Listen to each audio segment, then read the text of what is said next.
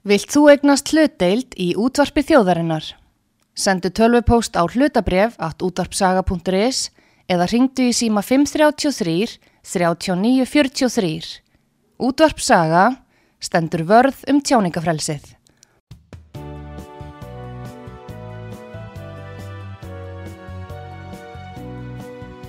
Síðdeðis útvarpið á útvarpisögu í umsjón Arnþróðar Karlsdóttur.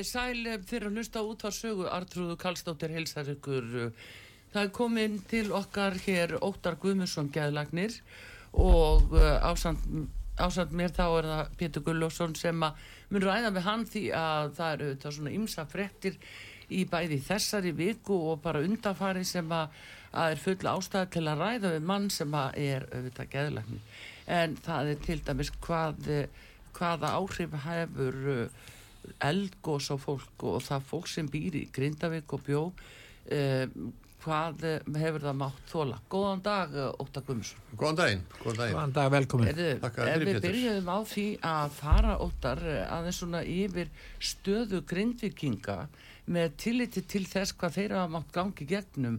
Eldgós, jarðskjálta, missa heimili sín fara, mega ekki fara heim til sín og vera engu starf, jáfnvel ekki í örgu húsnaði Eh, hvað segir svona geðlagnisfræðin um stöðu fólk sem að verðu fyrir svona áfalli? Geðlagnisfræðin náttúrulega lítur þetta mjög alvarlega mögum mm. og uh, þetta er náttúrulega gríðarlega mikið áfall mm. fyrir allt þetta fólk og mikið streyta sem að fylgir því og á svona sko þessum streytu skölum sem við nótum mm. menjulega hvaða lífsatburðir valda mestri streytu að þá er það uh, skilnaður er venjulega nummer eitt og mm. síðan er það fluttningar nummer tvö og atvinnuleysi nummer þrjú. Já. Þannig að uh, grindvikingar sem er að lenda í því að vera meira að meina neittir út af heimilum sínum mm. vegna þessara náttúruhamfara eru náttúrulega í gríðarlega, eru í streitu ástandi mm. og uh, það er ekkert lettvægt. Þetta er gríðarlega alvarlegir atbyrðir að vera allt í hennu komnir á vergang og uh, ég var nú læknir á Suðunisju mjög lengi og þekki grindvikinga mjög vel mm. þetta er afskaplega sjálfstætt fólk og um, duglegt no. og uh, hefur svona skapað sína hamingju sjálft mm. og um, þetta er svona mjög vel stætt samfélag mm. og um, uh, þarna búa mjög margir í sérbíli þannig að þetta er svona þetta var aldrei svona flott samfélag. Já. og það er náttúrulega ótrúlega mikið áfall að vera allt í hennu bara frá einum degi til annars sagt að uh, yfirgefa heimili sitt og, um, og fara eitthvað annað og þú veist að það verið að rýfaði upp með rótum frá mm. úr því samfélagi þar sem þú hefur búið í svo samar gár og þið líður vel og allt í hennu bara blasir óvissan við. Já. Um, áhrif svona á fjölskylduna innbyrðis og mikilvægi kannski þess að eh, já, það sé haldið utanum slíka fjölskyldur að, sem er það fyrir svona að fólk, jável þá fyrir að reyna á, svo, að reyna á innviði hjónabansins til dæmis. Er, þetta er alveg rétt og það, það fer mjög mikið eftir því bara hvernig sambandið var fyrir þegar að áfallið uh, uh, verður. Að, að ef að hjónabandið var mjög lélegt og mikil spenna og, og mikil fjarlægð á milli hjóna að þá hefur svona áfall venjulega vond áhrif og fólk fjarlægist enn frekar og rífst meira og ásakanir sem ganga á víksl og, og það var þú sem vildir búa hérna og það var þú sem vildir kaupa þetta stóra hús og, og svona þannig að það er oft mjög slæmt. En ef Já. að hjón eru í góðu sambandi það er svona gott samband á fólki að þá er náttúrulega mikið auðveldar að fara í gegnum svona áfall. Já, En þetta er alveg ótrúlega stórt áfall og þetta er mjög Já. mikið áfall fyrir þjóðarbúið. já, Þetta er náttúrulega Grindavík skilað alveg ótrúlegum upphæðum í ríkiskassan. Þetta Já. var það mikil útgerð, þetta voru fyrirtæki, þá er bláalónið. Þannig að þetta er ekkit lítið áfall fyrir þjóðarbúið í helsinni. nei, nei. Og sko, ef við erum að setja þetta svona í alþjóðlegt samhengi að þetta er eins og sko 120.000 svíjar væri á vergangi. Já, Þetta er eins og sko 120.000 manna bær í Svíþjóð, þeir eru 30 sinum fleiri en við. já, 120.000 manna bærs.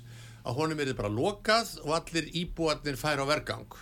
Þetta þætti sko stórmál í Svíþjóð. já, Og þetta væri stórmál fyrir samfélagið, fyrir, eh, fyrir allt. Þannig að þetta er stórmál og það má ekki líta á þetta einhverjum léttvægum augum að að þeir muni, þeir séu að fá svo eitthvað peninga og muni bara kaupa sér nýtt og svona, þetta er, nei, nei. því að þetta er líka verið að sko vega að þessu samfélagi og við erum náttúrulega hluti af okkar samfélagi. Já, já, og það er líka börnin sem að hafa kannski bara þekkja nú ekki annað en Grindavík til dæmis. Það er þeirra heima bær þarna er þeirra svona öryggi. Já, já, já. Eh, þau eru rifin upp með rótum og úr íþróttafélaginu, skólanum félagslífinu, uh, uh, leikvellinum öllu þessu. Já, já, þetta var alltaf mjög blómlegt íþróttaríf í, í Grindavík. Já, þeir eru búin að vera með fótboltalið í efstu deild og körfuboltalið sem er mjög gott þannig að þetta er mjög blómlegt. Þetta er Já, mjög blómleg byggð. Þetta er mjög blómlegt pláss. Já, og þetta er alltaf útgerðað pláss það er búin að byggð í, í hérna í Grindavík frá landnámsöld. Það kemur þetta landnámsmaður og, og uh, nemur þetta land. Og hérna þannig að þetta er búin að byggð sem sé frá landnámsöld og, og alltaf verið fólk þetta já, og uh, útgerð og, og landbúnaður og þvíni þannig að þetta er mjög rót gróið samfélag sem að hefur skilað gríðarlegu í þjóðarbúið. Já. En uh, einmitt svona barðandi já, okkur sem erum þá í næsta nágrenni við og jafnvel einhverju aðstöðu til að hjálpa fólki eða styðja það, hvað er rétt á okkur að gera? Hvað, uh, hvernig á að tala mikið um þetta við fólk eða ef fólk vil það, þá er þetta að gera það en, en það er bara fyrst og verið náttúrulega bara sína sína kærleika og, og vera uh, vingjarlegur það komið mjög, óv, mjög, komið mjög óvart sko núna þegar það var verið að eh, minnast þess að það voru 50 ár liðin frá því að frá Vestmanneigakostinu já, Og þá voru mjög margir vestmanningar sem voru að tala um það að þeim hefur illa tekið þegar þeir komið på land. Já, og hefðu lent í einhverju svona kárínum, hefðu verið að eh, ekki kannski ofsóknum en svona einhverjar óviðegandi aðtúasemdir og verið litið á þá sem einhverja svona flóttamenn eða, eða svona annar frá sporgari. Þetta komið mjög óvart, þetta tal, að, að mér fannst það ekki þegar að eh, ég var nú hérna Reykjavík þegar þetta skeiði og og uh, fylgdist mjög vel með þessu í Vestmanni var hluti af þessu hjálparstarfi en, en þetta er þeirra upplifun og þessi mjög, mjög, mjög slæmt ef þetta var rétt. Og þetta er náttúrulega eitthvað sem ber þá forðast algjörlega að, að það sé verið að tala niður til grindvíkinga eða eitthvað að, að þeir sé einhver byrði fyrir samfélagið heldur auðvitað að taka þeim mjög vel og, og hjálpa þeim eins og við mögulega getum. Já, já, en það líka kemur til á því kannski ótara, það er svona þetta er sett hann í fram, jafnvel á þingi það þurfi að hækka skatta út af grindvikingum, skilur þá er svona að byrja að, nota það sem einhverja skatta hækkun og það, það er náttúrulega ítir undir allt svona En væntanlega. er ekki rétt að Íslendingar hafa sínt æðruleysi, ég meina Vestmannegos og tala um það hruni hjá okkur núna þetta þjóðin hefur búið við erfiðar aðstæður Já, já. og meiri segja romantísku skáldin, ég held að Bjarni Tóransen hann talaði um það hérna, um að það veri gott að við byggjum herfaðar aðstæður. Það þroskaði einstaklingsins fjörkenn á seldurinn, frostið á serðir Hann segir líka sko Íslands óhamingi verður alltaf vatni sko. Já, já og yður um þess. Já, hann var nú svona en, eiða Já, en, en þú skilur þetta hugafar Já, já, það er að. Nietzsche talar um það að lifa hættulega það er grundvallur fyrir lífshamingun og, og þroska einstaklingsins. Við og kannski Japan er kannski á sínu jarðskjaldasvæði þetta er uh, hefur þetta áhrif? Heldur þú hvernig að búa við svona að búa við eldfjalla uh, hættuna og, og jarðskjaldana og búa svona norðanlega og í kuldanum og... Sko mér finnst þetta að verið, það var alltaf verið þannig að Íslendingar hafa tekið þessu bara eins og sjálfsögur hlut að við búum í þessu landi að þá verðum við að sætta okkur við það að þetta er að það eru náttúruhamfarir og það eru eldgós sem koma öðru kvoru og svo var náttúrulega hafísinn og, og svo var svona ímestlegt annað sem að gerist í náttúrunni. En fólk tók þessu verðilega með jafnaðar geði. Mér finnst það vera fyrst núna kannski í sambandi við Já, þetta gós eh, sem að fólk er að finna einhverja blórabögla sko, að það er verið að veltaði fyrir sér sko að hefði ekki átt að vera búið að sjá þetta fyrir hefði ekki átt að vera búið að setja að reysa varnargarða í kringum svartsengi og áttum ekki að byggja á Já, sprungusvæðum ættum við að byggja á þessu og, og svo er verið að draga upp einhver gömul áhættumönd og, já.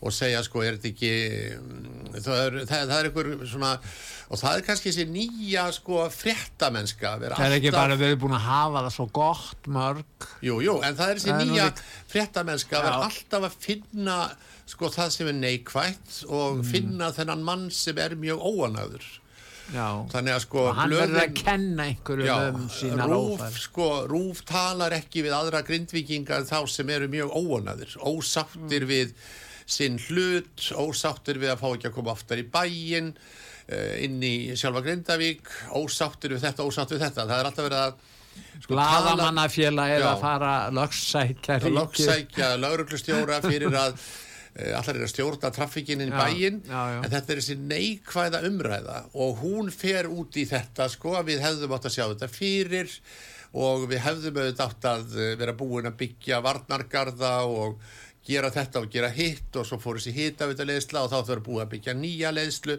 en þetta er aldrei nýtt Já. og þetta var ekki í Vestmanniðagósinu það var enginn sem að kendi einum í neinum um eitthvað. En nú er þetta alveg sko vaðandi þessi umræða að finna sökudólg. Þetta, er, þetta hlýtur að vera einhverjum að kenna sko. Já, já. og Já, það er þessi tilnefing til að stimpla líka. já, stimpla eitthvað sko Já. og hann á að axla ábyrð sko. Já. og mér finnst náttúrulega að það sé alveg sjálfsagt sko eða náttúrulega sko sökudólgur nummer eitt er náttúrulega Ingólfur Arnarsson hann kom með fólkið hingað. Hann uh, fór að æsa í upp norðmenn að flytja allan eitt til Íslands og þeir hafa aldrei séð gós þessi norðmenn, það var aldrei gósið í Noregi. Og það er náttúrulega mjög sko ámælisvert að hann skildi vera að hvetja fólk til að flytja til Íslands vitandi það að hér var eldgós þannig að mér stöðum að rífa niður stýttun af Ingólfi og brjóta hana í spað. Já, já, komið á Já, alveg komið þangað og hann, þannig að láta hann axla ábyrð sko. en ég, ég er mjög æstur í þessu máli sko, að, út af Ingólfi. Já, já. og það er hann veitingahús í Grindavík sem heitir Hafurbjörn en það var einn af landansmannum í Grindavík. Mér sjálfsagt að rífa það hús já, Já. Það, þá ertu komið svolítið í takt við tíma minna. Já, þá er ég komin algjörlega í takt við tíman Já. en þá fer ég lengra sko. ég Já. fer aftur í uppbrunan sko. Ingólfur Arnarsson og Hafurbjörn þeir leittu þetta fólk þetta til Grindavíkur Já. og auðvitað á að refsa þeim Já, já, það er kannski má segja það, en eins og talandi um þetta óttar, sko, þá hérna, þá er, og þú fyrir að tala um fjölmila, að eh, þá hefur þetta náttúrulega breyst umtalsvert eh, svona fjölmilun, svona í þessum æsingi. Við höfum séð það líka núna til dæmis í þessum mótmælum, tjaldamótmælunum niður á Östuvelli, nú eru menn farnir að klifra upp á stittur, þeir klifra upp á uh, e, Jón Sigursson á Östuvelli Já, já. með palestinska fánunum Já, og þeir klifur upp á Kristján Danakonung nýjunda fyrir fram á stjórnaráðið með palestinska fánunum það er ekki teilagt, það er bara uh, vaðið uppi? Já, og náttúrulega sko, þeir, þess, þessi mótmæli og þessir einstaklingar þeir njóta náttúrulega alveg sérstags velvilja á fjölmjölum bæði á rúf og á sensi stöð 2 og, og, uh, og náttúrulega á netmiðlunum njóta þær alveg sérstags velvilja og, og maður finnur það alveg hvað pólitíkusar eru hrættir við þessa fjölmiðla, þeir eru svo hrættir við að segja eitthvað, að gera eitthvað sem að yrði síðan tekið á lofti og Já. sagt að þeir væru síndi ekki nógu mikla mannúð, væri ekki nógu mennskir, mm. síndu þessu fólk ekki nægilega tillit og svo framins og framins og framins. Þannig að þetta sér maður náttúrulega mjög vel hvað vald uh, fjölmiðla eða pressunar er mikið að, að pressan, uh, að fjölmiðlar ásamt þessum hópi er algjörlega með pólitíkina í gíslingu í dag. Það, það þorir engin að segja neitt Nei, nei. og það eh, sko þorir engin að, að reyfa við þessu fólki sem var á austuvelli það, það var engin lögregla sem var lauruglan þorði ekki að fara. nei, lögregla þorði ekki Nei. að gera það og, og, og, og þetta er aldrei svona eh, náttúrulega síðan hafa þessi eh, hefur þessum hópir náttúrulega vaksið fiskur og hrygg að þeir eru orðið mikið öfluri heldur en voru í byrjun og, og uh, þeir elda ráðherra og elda ríkistjórnina þar sem hún er á fundum og, Og það spyr bönnin í grunnskóla skynja þetta og vilja taka þátt í þessu. börnin vilja taka þátt í Þau voru þessu og- send úr einum skóla. Það voru sendur Já, einu skóla, fóru úr einu skóla Já, og, þarna. og þetta er náttúrulega sko, þetta er, eh, þetta er náttúrulega bara segir okkur alltaf mikið um þetta um þetta vald mm. fjölmiðla og hvernig er hægt í raun og veru að að einhvern veginn sko, það er alltaf hægt að, að uh, segja fréttir á tvo, þrjá vegu Já, já. og uh, það er líka eins og með, með Grindavík sko, að, að það er engin frétt þó að sko, einhver grindvíkingur hann sé mjög æðrulaus og, og sé að pakka dótinu sínu og, og hann ætli bara að fara í bæinn og, og, og hann ætli bara að reyna að lifa þetta og hefja nýtt líf. Það er ekki frétt, en það er, hitt er frétt að það er einhver sem er mjög ósáttur við hann lögreglustjóra. Já. og, og hann er alveg til í að tala illum lögreglustjóran eða lögregluna eða almannavarnir, það er frétt. Já, já. og hann hafi ekki fengið að fara inn í bæin og oft eða eitthvað til, það er frétt og, og það er þessi svona að við skulum alltaf reyna að finna neikvæðu mm. þessa neikvæðu hliðina á öllum, öllu sem er að gerast. En það er eins og það selji, það er eins og fólk sæki í það, þá koma smellirni Já, og sérstaklega og það sést inn á netmirum sem að eru að gera út á sko, smellina til þess að geta sagt og, og selt út á það að þeir hafi svo mikla, mikil já. lestur og þetta er alveg alþekkt því þeir elda líka ákveðin nöfn og ákveðina myndi já, já, til já. að byrta því þeir vita að það selur Já, þá já. fáið þeir svo mikla smelli Já, já. En svona, sko, það sem var náttúrulega e, að við byrjuðum þar að þá, þá sko, er þetta þetta grindavíkumál og, og þessar eldhræringar á, á Suðunessu, þetta er náttúrulega einhver stærsta frétt bara í sögu lífveldisins, þetta sem er að gerast núna. Já. og uh, þetta er uh, náttúrulega ótrúlegt áfall fyrir þjóðarbúið og, og hvernig svo sem fólk allar að komast út úr þessu. Og uh, þess vegna verðum að hissa eins og á þessari sko það er eins og til dæmis þessi að þetta skili engu inn í þessar kjaraviðræður. Að það sé eitthvað slegið af þar eða þetta þýði það að, að kannski sé ekki hægt að gera jafnmikla launakröfur og áður vegna þess að þjóðarbúið stendur svona tæft núna það er eins og það hafi engin áhrif einhvern veginn, þetta sé bara að íslenska þjóðin, íslenska þjóðarbúið eða ríkiskassin, hljóti bara vera aflögu færum 80 miljardar, ekkert mál sko. Já, Fólk vil ekki sjá þetta í réttu samhengi, í heilda samhengið. nei, það er það sem að fólk Hann loka sig af í sínum heimi, Loka sig af í sínum sinni heimi, stétt, já. sínum hagsmun. En það verður að sjá það sérstaklega núna þegar kjarasamningar eru orðnir sko eila þrýhliða samningar. Þetta eru samningar millir verkefælisfélagana, mm. atvinnureikenda og ríkistjórnarnar. Þannig að, að kannski ef það er samið um 100 krónu launahækkun sko þá kemur kannski hvað, 35 eða 40 kall frá atvinnureikendum og restin kemur frá ríkinu. ríkinu.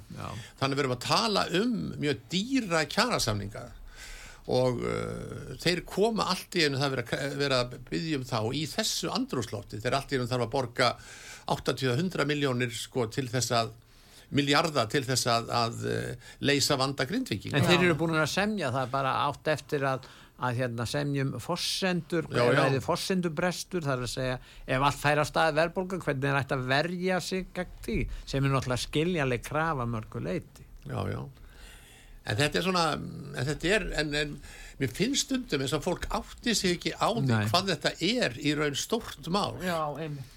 og ef maður setur þetta bara í svona alþjóðlegt samhengi eins og, eins og ég var að gera áðan samt í svíja eða þjóðverja eða eitthvað svona, svona stærri þjóðum Já. og segja sem sé að eins og svíjar ætti alltaf að fara að sko hýsa og, og hérna endur skipulegja búsetu 120.000 manna, ég held að það er nú rama kvein um alla, um alla Já. Þeir eru nú að En- gera það, þeir eru að taka á móti hælisleitendum í stórum stíl. Já, þeir eru reynda búin að draga í land með það þeir eru algjörlega búin að draga í land með það þeir, eh, það er ekki það er ekki mikið stemming fyrir hælisleitendum í Svíþjóð Við erum ekki búin að draga í það. land en en, uh, en hins vegar talandi um Reykjanesi og það, það er líka þarna allt í hennu fór uh, heita vatni Já, já. var ískalti í, í bæjunum mm. þarna í kring þetta er heilmikið manns, þetta er 30.000 manna byggð Já, já, og það fólk er líka í þessari óvissu vegna þess að núna til dæmis er leki í hittaveitu hérna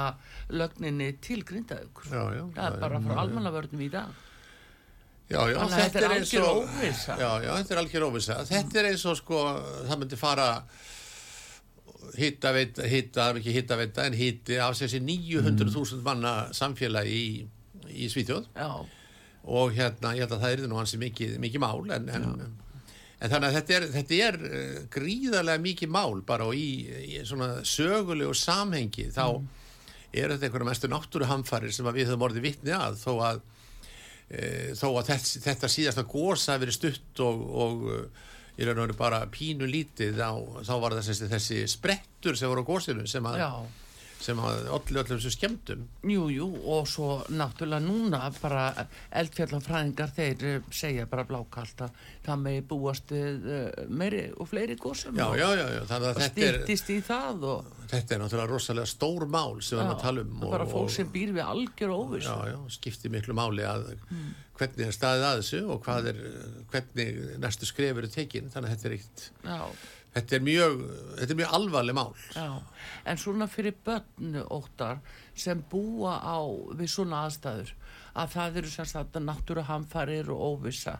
Eh, hvað, hvað er rétt að hvað er rétt, hvernig er rétt að tala við börnum þetta? sinna þeim og, og fyrst og fremst bara gefa þeim tíma og leifa þeim að spyrja og tala um þetta við þau. Þau verða náttúrulega þau lifa í þessum veruleika það þýðir ekki neitt að, að einhvern veginn vera sigur húða hann þetta er bara þessi veruleiki sem þau lifa við þau eru hluti af þessari þjóð og sem býr við þessar aðstæður og skiptir mjög mjög máli að aðalega kannski bara gefa þeim tíma og fá að leifa þeim að spyrja og reyna að svara því eftir bestu getu og, og jú, jú, það er óvissa en við erum öll saman í þessar óvissu og við ætlum að reyna að leysa þetta einhvern veginn. Já, já, og það er það sem fólk mun gera og uh, en fólk náttúrulega óttast líka að það verður að náttúrulega lækka standardin í svona að það verður aðeins að lækka uh, sín lífsgæði og, og tíðinni, þannig að þetta er þau verður að flytja kannski úr þessu stóru húsum sem eru Grindavík í minna Já, húsnæði já, já. og, og tíðinni, það vita allir að það er gríðalegt átak að gera það maður það er ekki hlaupið að því að flytja úr 250 fermetra húsnæði í 100 fermetra íbúð það er bara mikið mál. Já, þetta er það, en það líka er annað verðlag eh, sem fæst fyrir húsin þar, þannig að fólk eru líka fyrir svona efnagslegu uh, áfalli, má segja, að sjálfsögðu, að, fara þá inn á annan marka með aðra fórsendur. Já, já.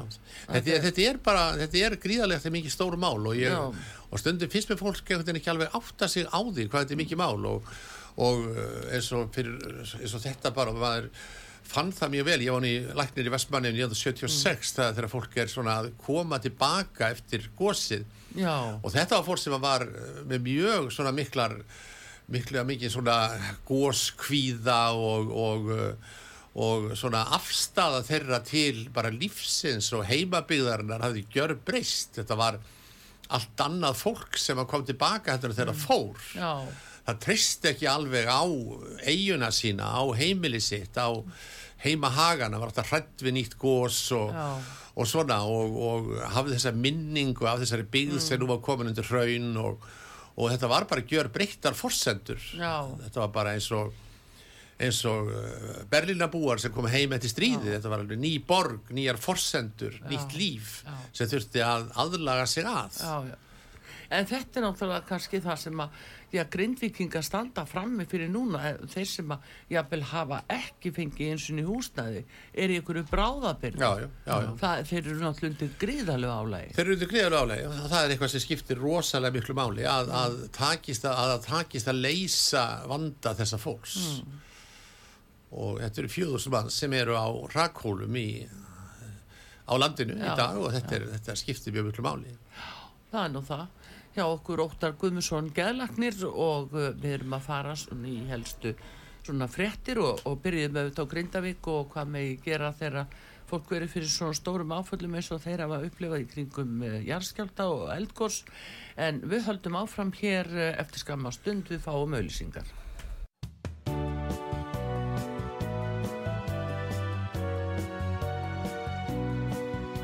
Sýtiðis útvarpið með Artrúði Kallstóttur og Pétri Gunnlaugsinni.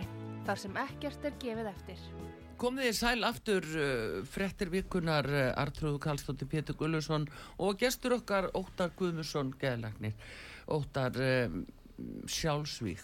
Já, Nú hafa verið frettir af því og reyndar oft uh, áður uh, að ungt fólk sé að taka lífsitt mm, og það sé bara búið að gefast upp. mm, það fá ekki inn á getur landsbítalans, það sé allt yfir fullt, mm. það komist ekki við eðandi meðferð, fá ekki aðstóð og uh, það endar svona. Mm. Það er hvert mála af hættur öðru sem við erum að fá frettir af og hvað segir þú?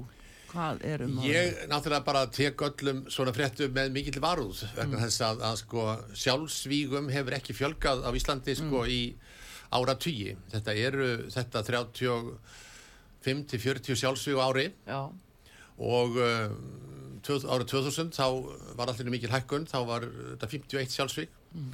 og uh, við höfum aldrei náð þeirri tölu síðan en, en uh, sko frá því að ég var að vinna á getið landsbyttalans og mm. var ábyrjandi í þessum geðmálum að þá komu oft svona frettir að nú var mikið sjálfsvíks alda sem að gengi yfir mm. en þetta var nú yfirleitt alltaf svona orðum aukið og við erum í svo litlu samfélagi að, eh, að jafnvel þó að sko sjálfsvígum fjölgi eitthvað í 2-3 mánuði þá verður að horfa á þetta í stærra samhengi og sjá bara hvort að þetta er raunveruleg aukning eða ekki. En það hefur ekki verið uh, raunveruleg aukning núna mjög lengi. En hitt er aftur á mútið annað mál náttúrulega og það er alltaf þessi hvað er sjálfsvíg og hvað er ekki og náttúrulega höfum við gríðarlegar áhyggjur af þessu þessum ópjata faraldri sem að er í landinu, það er mikið notað af ópjötum, það er verið að nota morfinlif og krakkar að sprauta sem þessum livjum og það eru svo sem er döðsföll sem að stafa af því þar sem við vitum ekki hvort um er að ræða slísadauða vegna þess að viðkomandi tók á mikið af lifinu já, og átti þessi ekki á því hvað lif var stert eða þetta er sjálfsvíg. Já, en auðvitað þetta er eitthvað sem að maður hefur í sjálfu sér ef við erum að tala um ungt fólk þá hefur ég náttúrulega mikið meira áhyggjur af, af þessu Já. vegna þess að þessi e, sjálfsvíkstala hún virðist og hefur verið svona nokkuð konstant en, en auðvitað er það mjög hörmulegt að, að e, hvert er þetta sjálfsvík er náttúrulega ótrúlegur harmleikur fyrir alla. En ég hef ekki séð það að, að það sé einhver aukning sko, það hef ég nú ekki séð og, og uh, þá þarf ég að sjá þær tölur en, en þetta er að það kemur alltaf öðru kvoru sko, ég menn ekki veit í hvað oft uh, hefur á liðnum ári verið hringt í mig og sagt nú er í sjálfsvíks faraldur í gangi og svo ekki við ljósa svo var ekki að þetta var kannski já, já. uh, Annars- allt í hennu komið 2-3 sjálfsvík einni viku og þá kom þessi orð, orðrómur upp Já, en það er samt sem áður kannski inn á fjölmila að þá er ekki mjög uh, allavegna lítið við svo á hér á útvarpi sögu. Það er ekki mjög freistandi að fara að skrifa ykkur frétt um slíkt. Þetta er svo mikið sorgar uh, aðtöfn eða að áhrifin er svo hillileg á fólk sem er uh, stendur narri að þérna, við skrifum ekki frétt um svona. Nei, við höfum sko, það hefur alltaf verið þannig og það, þegar ég var í þessari e, sjálfsvíga nefnd landlæknin sem var sett á e, laginnar árið 2000, þar sem vorum að ræða einmitt um hvað verður þetta að gera til að fyrirbyggja sjálfsvíg, þá var það eitt af því var að reyna einhvern veginn að, að draga úr þessari ofinberu umræðu og uh, einhvern veginn að reyna að sko, skilgreina sjálfsvík alltaf sem þunglindi, sem Já. mikinn harmleik, þetta væri ekki einhver, ekki einhver svona hetjudáð að viðkomandi væri að fyrirfara sér vegna þess að væri að mótmæla einhver í samfélaginu og svo framvegis, þetta var við reyndum að, að breyta þessari afstöðu mjög mikið, þannig að mér finnst mér alveg sjálfsagt að þessi ekki verið að skrifa um sjálfsvík en sko sjálfsvík er alveg ótrúlega flókið fyrirbæri. Og það er sjálfsvík er ferli, þetta er margra vikna, margra mánada margra ára ferli. Það er mjög óalgengt að einhver fyrirfari sér eh, bara út af einhverju skyndi ákvörðun, það gerist ekki. Þetta er eitthvað sem hefur þróast mjög lengi, þessi hugsun þessi tilfinning. Síðan getur kannski eitthvað komið upp á sem að ítir viðkomandi endanlega sko yfir strikið en það er alltaf þannig að viðkomandi er búin að vera að velta þessu fyrir sér í lengri tíma áður en lætur skara skriða. Mm -hmm. reyndar eru kannski sára fáar undantekningar frá þessu og það eru mjög ungir kvatvísir kallmenn sem að eru þá vennilega alltaf í einhverju vímu að þeir eh, láta til skara skriða. En þetta er ótrúlega flókið og það er og það er uh, mjög slæmt þegar verið að leita að einhverju orsök sko. mm. hann, já, þessi maður fyrirfór sér vegna þess að hann fekk ekki innlögn og geðdild það er aldrei þannig. Það er, uh, það er þetta er mikið flóknara ferli, flóknara fyrirbæri heldur en að það sé ástæðan. Já. En hvernig stendur því að það er sum ríki það sem sjálfsmorði eru fleiri hæri tíðinni, já, Ungverjaland Japan já, já, og það var einhver franskur Emil Durkheim Já. sem var, var einhver já, já. hérna, stjórnmálafræðingur og félagsfræðingur. Að hann var einmitt að slá því fram að þetta væri svona þjóðfélagslegt vandamál ekki bara vandamál einstaklingsins. Já, þetta er nú búið að rífast um þetta mjög lengi Jú, sko. en hann var svona En- inn á þessu og þess vegna mentan á eins og sumar þjóðir það er meira um þetta. Já, já, en þá er það spurning hvað, af hverju er það, er meira þunglindi í þessum þjóðum, er eh, geðmeðferðin verri heldur en annar staðar, er, er, er erfiðara að fá samtal við einhvern á þessum tíma var, var engil hjálp fyrir Nei, fólk nei. á þessum tíma á 19. öll þegar hann var Nei, að nei, skrifa þetta nei, sko. nei, en það, það sjálfsvígum hefur fjölgað eitthvað en, en, en ég á voðalega erfitt með það sko að ímynda mér að það sé hægt að búa til heim þar sem að eru engi sjálfsvíg. en það er eitt í þessu, sko, nú ertu að tala um eitulífamálin Já, uh, sko, er einhverja tölur um það að þetta hefur færst í aukana að ungmenni sé að sprauta sig? Og hvaða tölur hefum við? Og hversu áræðanlegar eru? Það- þetta er svona alltaf reiki finnst manni. Jú, þú það eitthvað er, það, já, það er það sem við sjáum náttúrulega á meðferðastöðunum, ég er nú að vinna í Krísuvík, við Já. sjáum það að það er e, mikil fjölgun á þeim sem eru að sprauta sig. Það er já. þar Ég náttúrulega var ekki í výmjörnubransanum í 20 ár, ég hætti á eh, 1997 og kom aftur 2017 og Já. það var mikill munur á þessu 20 árum Já. og að, hvað mikið af eh, ungu fólki er að sprauta sig með ópjötum, er að sprauta sig með oxycodon er það yngra fólk Já, þetta er yngra fólk, þetta er yngra fólk, já það er mjög verið illa farið ef það er að sprauta sig með, með morfíni, Já. þannig að það er eh, hvað færða munur þar. morfín?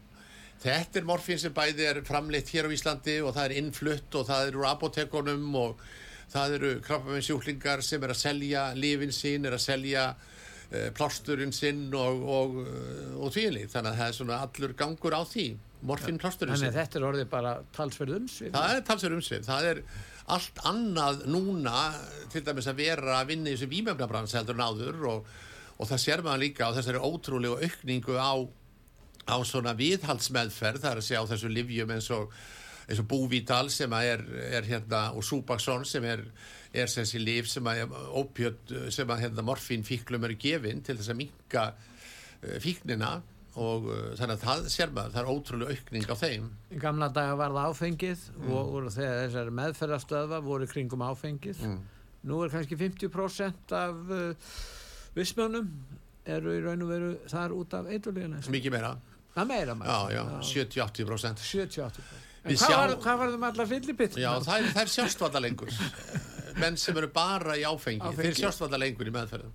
Hvernig stendur það því? Já, þeir bara eru, hafa þróað með sér aðra, aðra, aðrar fíknir, þeir eru fattir að nota amfetamin eða róandi liv eða ópjöld. Þannig að þeir sem eru bara áfengi sjúklingar er bara í áfengi, það er kannski ekki svo stór hópur. Nei, það er mjög lítið tópur í meðferðum. Alla eldri borgarar sem er að draka kokteila. Það eru lang flestir eru í, eru í hérna örvandilifjum, eru í ADHD-livjónum og svo eru þeir í morfíni og svo er mikið cannabis, örvandi og róandilif og svo áfengi.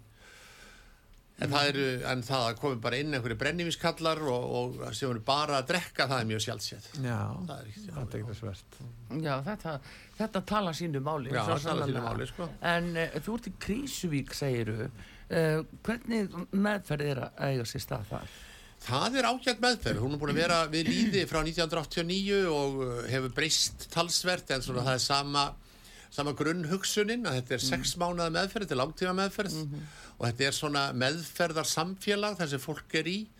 Þannig eru svona 24 til 28 einstaklingar í þessari meðferð, þetta er svona AA meðferð, tólspora meðferð, gríðarlega mikil áfallavinna, það er uh, eitt af því sem er breyst mikið í áfengismeðferð frá því að við varum þetta fyrir 20 árum Já, það er mikið meira unnið í áföllum og, og þvíinlega, þannig að þetta er svona hefur orðið mikið breyting á, á, á þessari meðferð. En hafið þið svona áræðilega tölur um bata eða batahorfur? Nei, Það er það er, náttúrulega- það er, það er vol erfitt líka hvernig á skilgreina batan sko, hvort að batin er þá uh, algjört bindindi eða hvort að við erum að ná ákveðnum tímabilum og, og, og þetta er náttúrulega mjög svona uh, þetta er sjúkdómur sem er alltaf á Þá kemur fólkið aftur. já, kemur fólk aftur og eða fyrir einhver aðra meðferðastöðin þá náðum við þó þetta einu ári sem er gríðal mýt árangur kannski fyrir þennan einstakling og hans fjölskyldu þau hefðu þá Og kannski svona leikmenn myndu spyrja geðlækna eh, viljastyrkurinn, skiptir hann máli? Já, skiptir menn, menn, máli. menn er að spyrja. Geta menn, þurfa menn að hafa sterkan vilja? menn þurfa að taka ákvörðun það getur enginn hægt að drekka nema að vilja það sjálfur þú verður að taka ákvörðun um að hægt að þetta eru drekka eitulif, það eru Já, ánetjast hvað sem ert að gera sko. það er alveg sama í hvað fík þú ert og þú verður að taka ákvörðun um að breyta þínu lífi Svo breyta þínu verða menn að hugsunarhætti. sína staðfest. Já, svo erum við að sína staðfestu og breyta sínu lífi, vera ekki að þvælast á stöðum þar sem að eru freystingarnar eru á hverju strái og, og svona, þannig að þetta er, þetta er ákveðin breyting sem menn verða að vera tilbúinir að undirgangast og það er það sem er kannski erfiðast. Þannig að ábyrðin er svona 50, 60, 70% á einstakling. 100% á einstaklega. 100% segir Já, þú? hann verður bara að bera ábyrð á sér sjálfur, hann verður að bera ábyrð á sér sjálfur og hann verður að taka þessa ákvörðun að gera þetta en, en það er sko en það, það er, Er líka- samfélagi getur ekkert gert að þessu leiti? Hvað getur samfélagi gert Já, bara það sem það er að gera sko. það, er, það er rosalega mikil sko, það er mjög mikil meðferðar sko, hefð hér á Íslandi og, og hér eru mjög margar meðferðarstofnanir og, og það er eh, mikið meira frambóð á meðferð hér heldur en nokkru öðru landi sem ég þekki. Það er hvergi á Norðurlöndum er til stopnun eins og vogur til dæmis, vogur er algjörlega bara einstækt fyrirbæri þannig að það er hverki til svona fyrirbæri. Þannig að það er greiðlega mikið sem er gert í þessum geira. Það er allir þessar meðferðarstofnanir það er allir þessi áfangahús uh, þannig að það er mjög mikið sem er gert. Þannig að ég verð alltaf óskaplega hissa þegar kom einhverjir uh, spakvitrir þingmenn og fara að tala um úrræðaleysi stjórnvalda í þessu málaflokki. Já. því að ég átta mig ekki alveg á því sko vegna þess að það er meira gert hér fyrir þessa einstaklinga heldur nokkur starf annar staðar í Evrópu. Og þá veit ég ekki hvað þeir myndu segja um sambærileg úrræði þá í Þískalandi eða í uh, Danmörku Nú er það kirkjudeldir hér sem eru líka með svona meðferðarhjálp. Hvernig gengur hjá þeim? hjá kirkjudeldunum, Já. það er bara hlaðgerra koti í sjálfu Já, sér hlaðgerðarkot er það eina Já, hlaðgerðarkot er það eina og samhjálp, þeir eru með Já, áfangahús og já. það gengur, þetta er óskup svipaður meðferðar árangur heldur hjá flestum sko. En Það- hvernig skynja þú að þú þekkja svo vel? Trúin, skiptir hún máli? Mér finnst hún skipta mjög mjög máli. Já. Ég er alveg sammála, alveg samfærður um það. Hún skiptir mjög mjög máli. Þannig að meir, ef, ef að guðleysi eða guðsafneitun færist í vöxt, þá mætti alveg spúast við því að, að ástandi vesnaði. Já, ég myndi segja, ég, mér finnst þetta skipta mjög mjög máli sko, og að, að menn einhvern veginn sko, þetta er svo flóki fyrirbæri að hætta að drekka. Þú verður að hafa einhverja svona, einhvern neista, einhvern andlega neista sem að sama hvaðan hann kemur En eldist þetta ekki af mönnum, til dæmis, menn voru að drekka og svo bara þau eru orðinni gamlir. Jú, þetta það, er, jú, jú, það gerist ofta þetta eldist af mönnum að, að menn minka drikkjuna með aldrinum sko. Já, já. það gerist Heyrðu, en það er unga fólkið Já. og það er, sko, það er, við erum alltaf að heyra fréttir af því að uh, ungt fólk það komist ekki í viðandi meðferð. Það tala jafnvel um bugl og svona fleiri staði sem að eiga að taka á móti þeim og það sé bara uh, spilistatni svo langir. Hvað er þar um að vera óttar?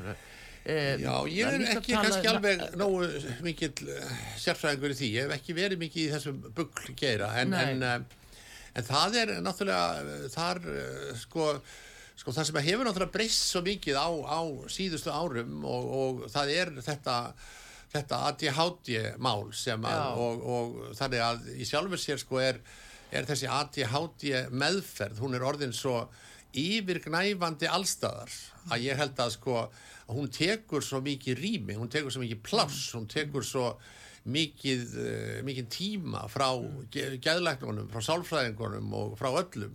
Þannig að svona önnur raunveruleg geðvandamál ungs fólks, ég held að þau verði mjög útundan í Já. þessu vegna þess að það er, það er svo mikil áhersla lögð á ADHD og það er allir með ADHD og það er svo mikil livjagjöf uh, svo kemur náttúrulega þessi einhverfa ofan í það og, og þýrið þessi, allir þessi greiningavinna. Uh, og þetta hefur breyst svo mikið. Þetta er en um, náttúrulega eftir því sem að uh, greiningunum fjölgar að þá eru meðferðarúrraðunum fjölgar líka og og því að þetta er, þetta er rosalega flókið, flókið fyrirbæri og, Já. Og það er uh, enginn sem veit kannski alveg hvernig á að bregðast við sko, það er mikil, náttúrulega mikil, mikil andstaða við innlagnir á geðdeild hjá ungu fólki. Og þá spyrir hvað þá gerir í staðinn og, og svona, þannig að þetta er þetta er svona, það er kannski mennir enn að finna fjölina sína, sko, hvað er að gera? Þetta er, þetta er svo breytilega samfélag. Það er margt sem er breyst í þessu samfélagi. Þá er að spurning hvað, hvernig á að uh, finna eitthvað og, og svo er uh, og þarna kemur náttúrulega líka þessi, þessi sko þessi þessi pressa eða þessi, að það er alltaf sko það er, svo, það er alltaf verið að segja frá því sem illa gengur í helbriðiskerfinu, það er, ég veit ekki hvað er sko það fyrsta frétt á rúf, einhver kona sem að hefur einhverja harmsögu úr helbriðiskerfinu að konan sem að uh, leitaði til lækna og fekk ekki rétta greiningu og þýni og þetta er þessi neikvæða umræða sko. Og svo snýst hún vel upp í alhæfingu og stóru orðin eins og algjört aðgerðarleysi eh, algjört bjargarleysi og Ekkert og gert. ekkert gert fyrir alkoholista, ekkert gert fyrir þá sem eru heimilislausir ekkert gert fyrir þennan og, og þvílitt og, og þessi vill fara til Ameríku til að fá einhverja meðferð og hann fær það ekki borgað og, og sko þetta er þessi neikvæða umræða sem Já. er alls ráðandi á þessu sviði sko. Já, já, en hérna uh, við höfum nú talað um það áður það uh, allar þessar greiningar og þessi lif sem er verið að gefa og talað aldrei um það að uh, við séum með Norðurlanda met í, í lifjum til batna og ungmenna og annað. Uh, erum við á réttri leið þannig? Nei, það held ég ekki, ég held að við sem ekki á réttir leið þannig. Og ég held mm. að við áttum náttúrulega, við, hérna, við Já. tölum um hérna, Elvans og, og ADHD lifin Já, fyrir nokkur og það er náttúrulega fyrirbæri sem er algjörlega komið úr böndum og það er bara vilda vestrið sem að ríkir þar. Já, og auðvitað er það ekki alveg eðlilegt að það skulle vera svona að við skulle vera með svona mörgu sér meiri nótkun á ADHD-livjum hér heldur en, heldur en annar staðar og þessi mikla nótkun á, á þunglindislifjum og geðlifjum hjá börnum og unglingum. Það er heldur ekki alveg eðlilegt að við séum með mikið meira, meiri nótkun á þessu livjum. Er, og þá er spurning hvað er vandamáli? Er, er, eitthvað, eru greiningar þar allt of miklar eða er bara þólinmæðin fyrir eh, svona einhvers konar öðruvísi hegðun badna er hún orðin mikið minni? Þannig að allt er einhvern veginn það verður að vera greining einhver strákur Já. sem er mjög líflegur og, og, og hann hlýtur að vera með anti-háti og svona ekki honum líf sem hann verið meðfærilegri. Og, en þetta er náttúrulega komið út í tóma dellu sko, og, og þar erum við náttúrulega með þetta vandamál eins og með ADHD sko, að, að þar erum við með líf sem við verðum að gefa sem að er amfetamin þannig að ef að, og við vitum það í dag að, að ef að sko við verðum að gefa við ADHD svona líf sem að e, strattera sem er gefið ADHD en hefur engin amfetamin áhrif. Og við veitum bara að segja allt í einu það er hvað að breyta hérna stefnunni. Við gefum ekki lengur örfandi lífið ADHD það er allir að fá strattera Já, þá myndi byðlistinn eftir ADHD greiningu hann myndi hverfa á svona einu mánuði það vill engin, það hefði engin áhuga á ADHD greiningu ef hann fengi ekki amfetamin já. það bara fylgist alveg að Já. og þetta sko fólk vill, jú, jú, amfetamin hefur ágætt áhrif á suma og mér finnst það allt í lægi náttúrulega, þetta er góð meðferð á suma en, en eins og þetta er núna þá er þetta komið út í tómadellu sko.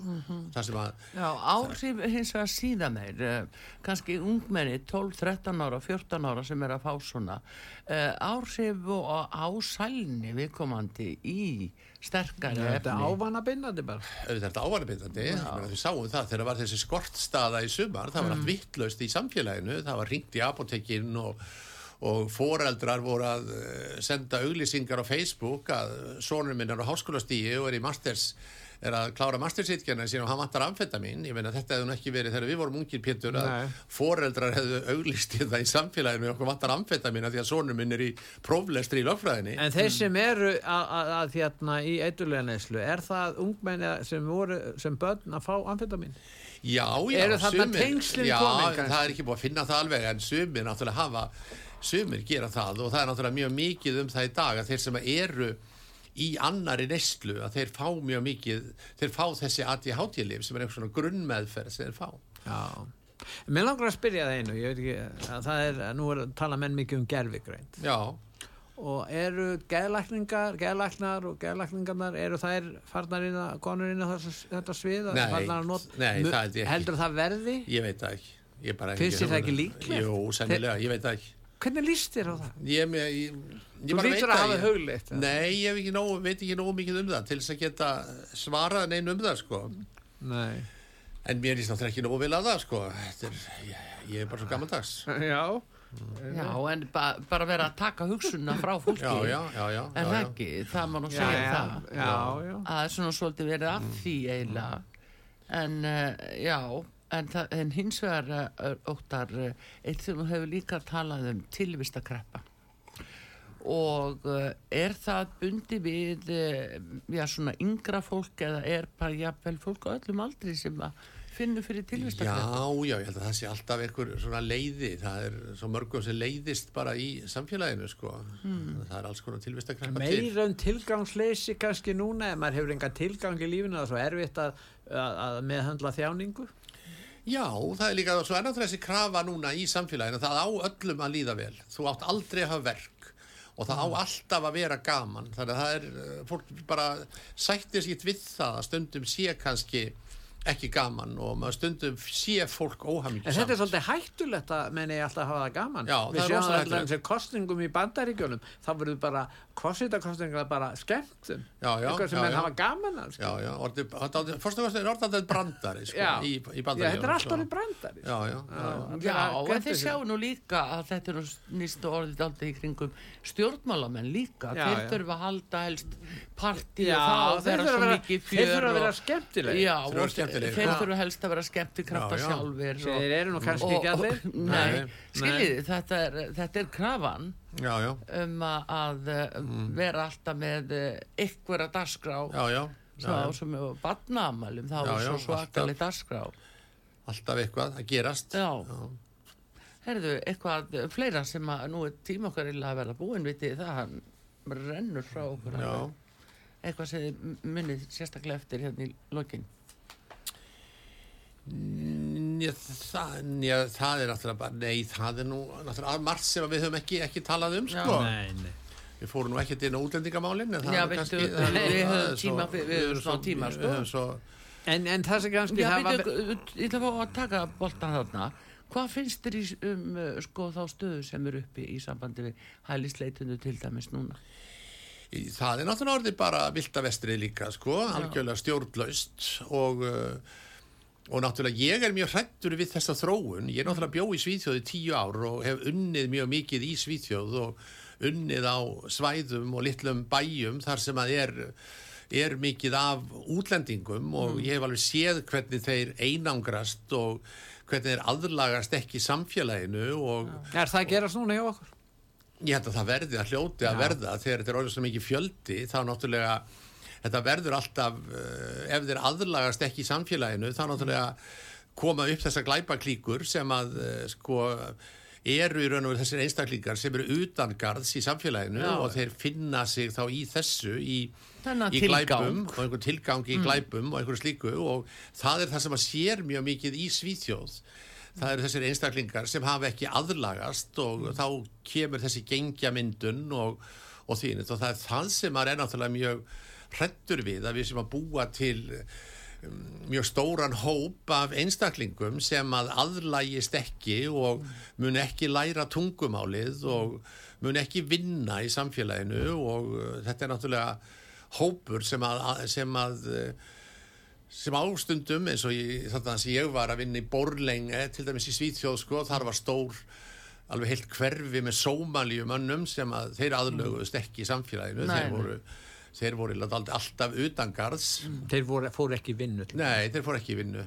Og, og það er náttúrulega, það var svo mikil bara, þeir voru svo ólíkir þeirra grunnhugsun. Það var svo ólík bara þessari grunnhugsun sem er ríkjandi í sænsku samfélagi eins og bara í norrannu samfélagi. Það var þessi óskaplega mikla kvennfyrirlitning og, og, og þetta, þetta um feðra- já, þetta feðraveldi, þetta hatur á samkynneigðum, uh, þetta hatur á konum sem klættu sig augrandi og, og þvílit og það var þessi svona kvenna kúun sem þarna er. Og þetta sá maður alveg sko í annar og þriðju kynnslóð eins og af Tyrkjónum sem voru hann í. Svíþjóð og, og því ég var að vinna á geðdeild og það var komið eh, mikið með þessar konur í viðtöl og það var alltaf, þær eru að vera með túlk með sér og hann var alltaf kallmaður og eiginmaðurinn krafðist þess að vera með líka Já. og konan vildi hafa hann með og ég Já, átti að taka geðviðtal við hana um hennar geðvandamál með eiginmannin viðstatan og Akkúrat. sem var vinur eiginmannsins Hvað gastu gert? ekki neitt bara Eh, bla og bla satt kallinn og hlusta? já, já. Já, já.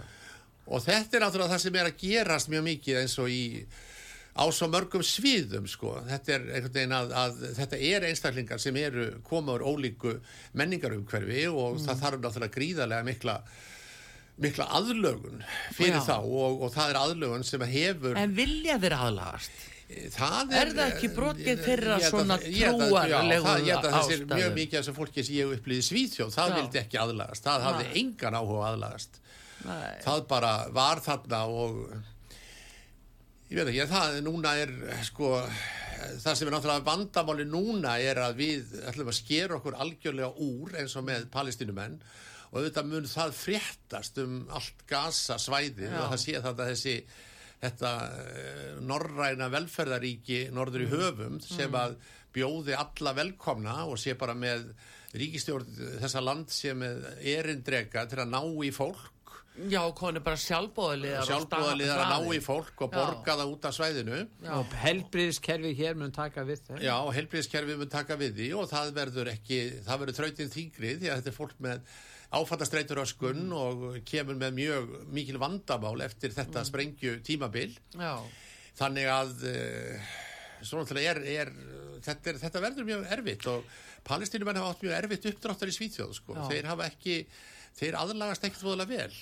En er ekki undarlegt að stjórnvöld og ráðamenn skul ekki gera sér greimur eins og þú talar að þinni reynslu og svo margir íslýtingar sem að skilja þetta og við höfum fréttir af þessu að þetta skul ekki vera tekið á þessu með öðrum hætti? Já, það er þessi ótti við, sko, við, við þessa umræðu og allir sem að sko reyfa eitthvað við svona skoðunum, þeir eru kallaði rasistar Já, eða fasistar og, Já, já. Og því þetta er auðvitað, er þetta, það hafa allir, ég held að sé mjög margir sem hafa áhyggjur af þessu og, og ég náttúrulega upplifi í mínu starfi, ég er með marga kennara í viðtölum sem bara eru að kikna undan þessu álægi að vera allt í hennu komið með Já. svo sem marga nefendur sem tala enga íslensku í bekkina og uh, svo er helbriðistarsmenn, það eru heilsugjæstulæknar, þeir er að kikna undan öllum tólka viðtölunum og, Já. og uh, öllu þessu sem er, þetta er gjörbreytt landslag í Já. skólunum, í helbriðiskerfinu út af öllum þessum útlendingum sem eru komnir og, og það er þetta náttúrulega sem að fólk er að tala um eins og bæjastjórun í Hafnafrið sem segir bara okkar eh, í okkar innviðir, þeir þóla þetta ekki Já. og, og maður sér það allstaðar þegar maður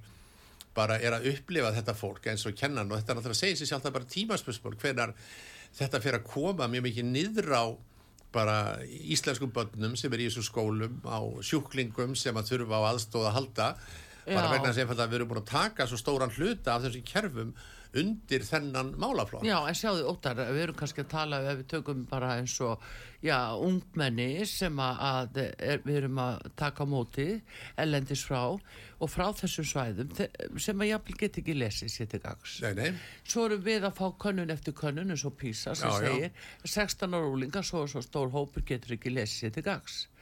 Uh, Já, hver já. er orðin eiginlega sko stýringin á þessu sem að fennu allarleið þangað?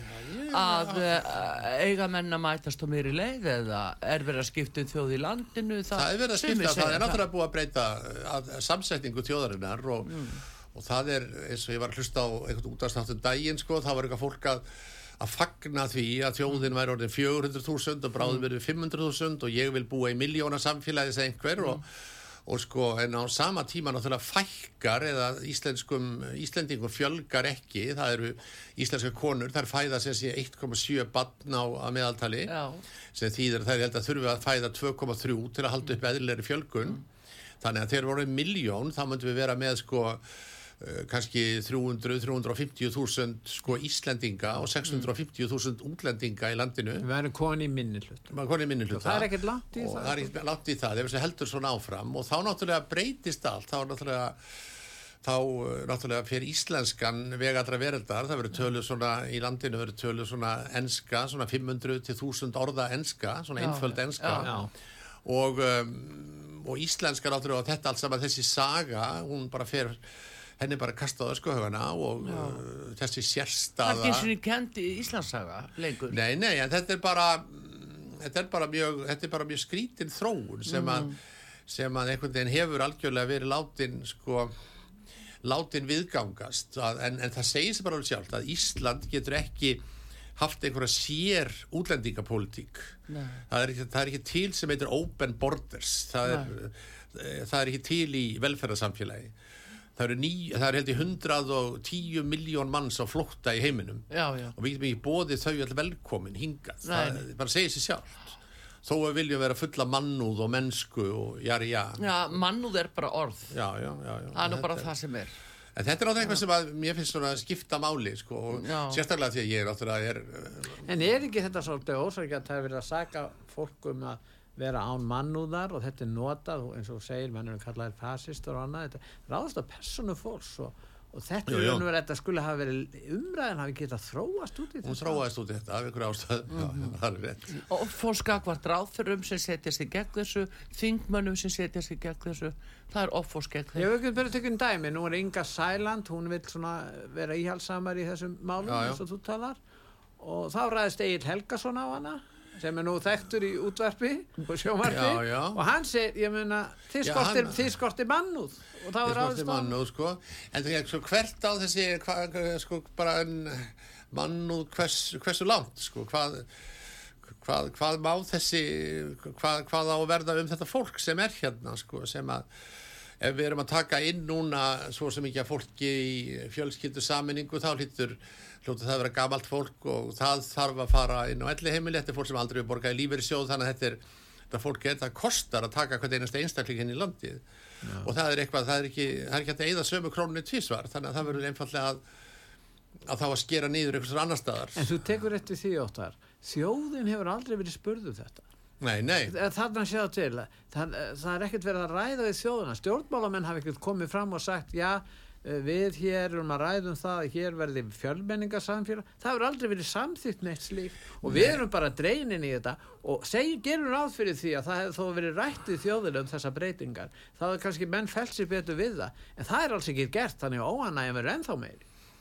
já, óanægin verður náttúrulega ennþá meiri og verður uh, meiri þegar að, að fólk á, þegar heilsugjæslan fyrir að kikna verulega undan þessu álægi og þegar að kennararnir fara að hætta og Já. Hver, hver á fætur öðrum inn í og kulnun lögreglumenn er að og- kvart undan og það er lögreglumenn- ofsækja þá líka núna sko. og undan það er ofsækja þá og það er safnað saman við lögregluna og lögreglustöðuna og æft fuck the police og, Já. og svona sko þetta er náttúrulega mm, hluti af einhverjum alþjóða reyfingu sem að, Já, er, sem að Þannig að það verða stittuna næst óttar, eins og þú segir. Stittan og Ingól Arðarsinu, það Já, er að hana fýkur, fyrst já. það er hann náttúrulega kom þessu öllu til leiðar Já. Og hann er náttúrulega þá auk þess segur um þessa útlendingastefnu sko. og hann er gammal þræla já, það má Já. ekki gleyma því Já, maður ekki gleyma því, hann var með þræla og uh, þeir voru drefnir Mhm. þannig að þetta er versti maður og nú eigum við bara að taka Ingól Varnarsson stittun á honum og setja hann við hliðin á stittun á Friðrik Friðrik sinni Mhm. Já. svo þeir geti bara verið saman og skamma sín Já, ég skil. Við látum þetta verða að loka orðin hérna núna að þessu sinni. Þökkum Óttari Guðmur sinni gæðlagni kella fyrir komuna hafa það sem allra best og takk fyrir þetta. Þér fyrir að koma. Artrúð Karlsdóttir, Pétur Gullusson og Bræði Reynisson þakka ykkur fyrir og hafa það sem allra best um helgina verið þið sæl. verið þess að